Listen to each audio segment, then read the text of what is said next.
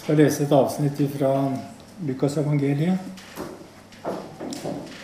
En eh, situasjon der Jesus eh, står fram i begynnelsen av sin offentlige virksomhet. Jeg leser eh, Han kom også til Nasaret, hvor han var vokst opp. Og på sabbaten gikk han inn i synagogen, slik han pleide. Da han reiste seg for å lese, rakte de ham profeten Jasajas bok. Han åpnet bokrullen og fant stedet der det står skrevet. Herrens ånd er over meg, for han har salvet meg til å forkynne et godt budskap for fattige. Han har sendt meg for å rope ut at fange skal få frihet, blinde få syn igjen og for å sette undertrykte fri og rope ut et nådens år fra Herren.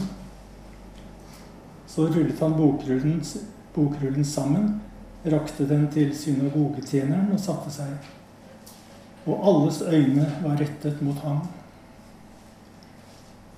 Da begynte han, han begynte da med å si i dag er dette skriftordet oppfylt mens dere hørte på.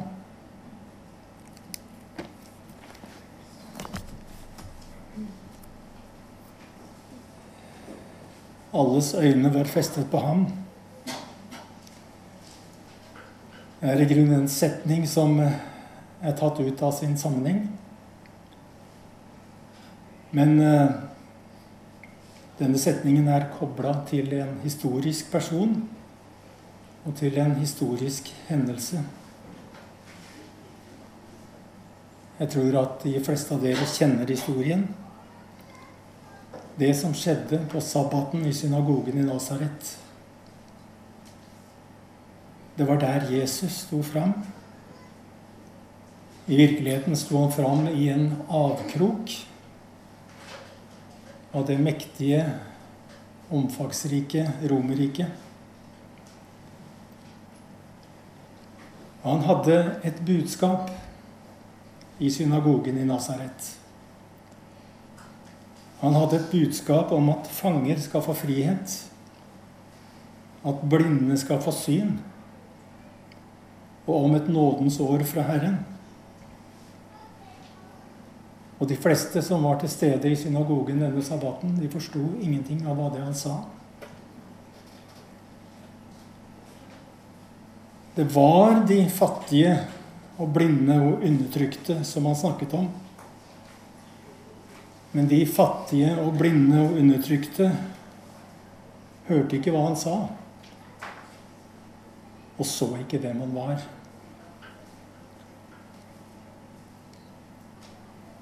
I Johannes evangeliet uttrykker dette her med all ønskelig tydelighet. Det står om Jesus. Han var i begynnelsen hos Gud. Alt er blitt til ved ham. Uten ham er ingenting blitt til. Det sanne lys som lyser for hvert menneske, kom nå til verden. Verden er blitt til ved ham, men verden kjente ham ikke. Denne dagen i synagogen i Nasaret hadde de Jesus i øyenhøyde og de, de sto ansikt til ansikt med han. Allikevel så de ikke hvem han var. Og de tok anstøt av denne mannen med de drøye påstandene. Det Jesus sa, og som blir sagt om ham, det er radikalt truende for tanke og fornuft. Og det er truende, ikke minst, for vår kontroll. Og vi syns det er pinlig med denne aparte personen. Og snur oss heller bort uten å ane hvilket tap vi går med på. Men noen har alltid sett. Og noen har alltid trodd. Og de sier vi så Hans herlighet, en skjønnhet som den enbårne sønn har fra sin far, full av nåde og sannhet. Og mange har opp gjennom historien forstått og falt på kne og sagt Min Herre og min Gud. En uh, svensk teolog som heter Ove Wikstrøm, har sagt at uendelige er de som gjennom seklene i store katedraler eller ensomme i sin seng har bedt til denne Kristus i farer og forfølgelse, i sykdom og smerte, for ikke å snakke om da døden nærmer seg, har de kjent hans aktive nærvær. Ikke så i synagogen i Nasaret. Alles øyne var rettet mot ham. Han, han som hele jødenes historie. Hele hebraiske, den hebraiske bibelen, Det gamle testamentet, peker fram imot. Og alt hva folkets utvelgelse og profetenes budskap handler om. Han står nå foran dem. Alle visste at Messias en dag skulle komme. Men dette var jo en vanlig sabbat. I en vanlig synagoge.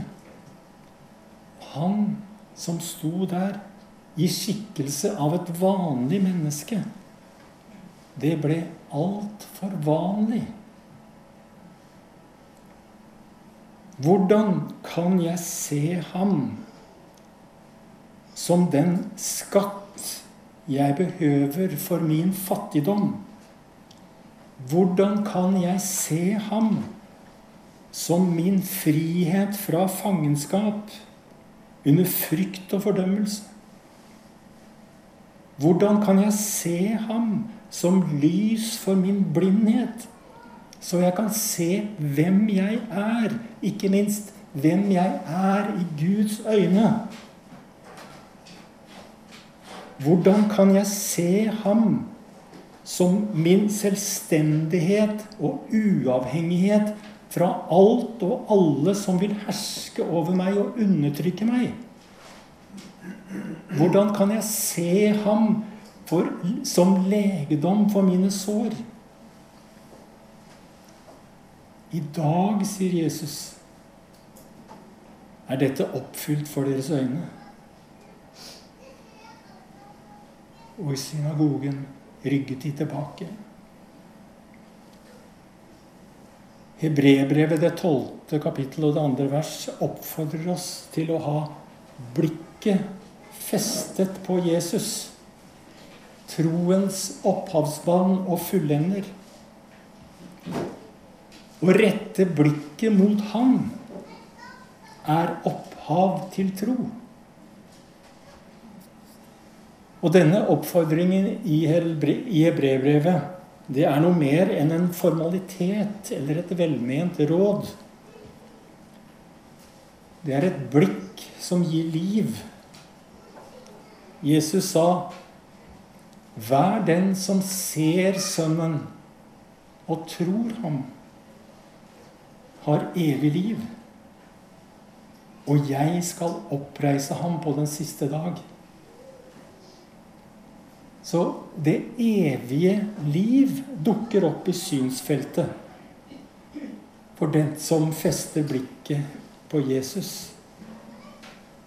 Og det er jo opplagt at alle motkrefter i den spirituelle verden ser det som sin hovedoppgave å trekke blikket bort fra ham. Så lenge øynene er festet på Jesus, flyter livet. Da er selv ikke døden slutten. Så lenge Jesus får stå i sentrum, blir horisonten vid. Men når han kommer ut av fokus, så snevrer horisonten inn. Når det er Jesus vi er opptatt med, så er vi ett. Men når blikket viker fra ham, glir vi fra hverandre. Da kommer frykten og undertrykkelsen og mørket tilbake. I synagogen i Nasaret Der bar de et religiøst slør. De visste hva de forventet og ikke forventet. Og de hadde ikke hørt en levende profetrøst på 400 år. Problemet var at Jesus slapp ikke innenfor dette sløret. Når endelig Messias sto midt iblant dem, så kjente de han ikke. De forkastet ham. Men han forkastet aldri dem. Alles øyne var festet på ham. Men de så ikke hans guddommelige skjønnhet. De så ham kanskje som et samtaleemne, men de så ham ikke som en levende virkelighet. Men det er jo det Jesus er. Jesus er en virkelighet som kan erfares av mennesker i dag. Jesus lever og inviterer oss inn i hans liv. Det er den euforiske opplevelsen at man som menneske er ureservert akseptert og elsket av Gud, som er helt igjennom god. Det vi kan vite om Gud, ligger ikke lenger i tåka. Men det vi kan vite om Gud, det er kondensert. Det er inkarnert og åpenbart i mannen fra Nasaret. Og jeg er overbevist om at hvis vi kunne spørre Gud om hva han framfor alle ting vil si oss da tror jeg at han ville svare Jeg vil vise dere Jesus. En dag skal alle se ham. Johannes' åpenbaring sier, Se, se, han kommer med skyene. Hvert øye skal se ham, også de som har gjennomboret ham. Og hver tunge skal bekjenne at Jesus Kristus er Herre. Det står i Filippe-brevet, det andre kapittelet, fra det sjette vers. Han, Jesus altså, var i Guds skikkelse. Og så det ikke som et rov å være Gud lik, men ga avkall på sitt eget tok på seg tjenerskikkelse og ble menneskelik. Da han sto fram som menneske, fornedret han seg selv og ble lydig til døden, ja, døden på korset. Derfor har også Gud opphøyd ham til det høyeste og gitt ham navnet over alle navn i Jesu navn skal derfor hvert kne bøye seg. I himmelen, på jorden og under jorden. Og hver tunge skal bekjenne at Jesus Kristus er Herre, til Gud Faders ære. Alles øyne var festet på ham. Vår bønn må være at Gud må hjelpe oss til å ha blikket fastholdt på ham. Sånn at vi kan se hvem han er. Se hvem vi er i han. Hva han har gjort for oss. Og hva vår skjebne er i lyset av alt det han har gjort.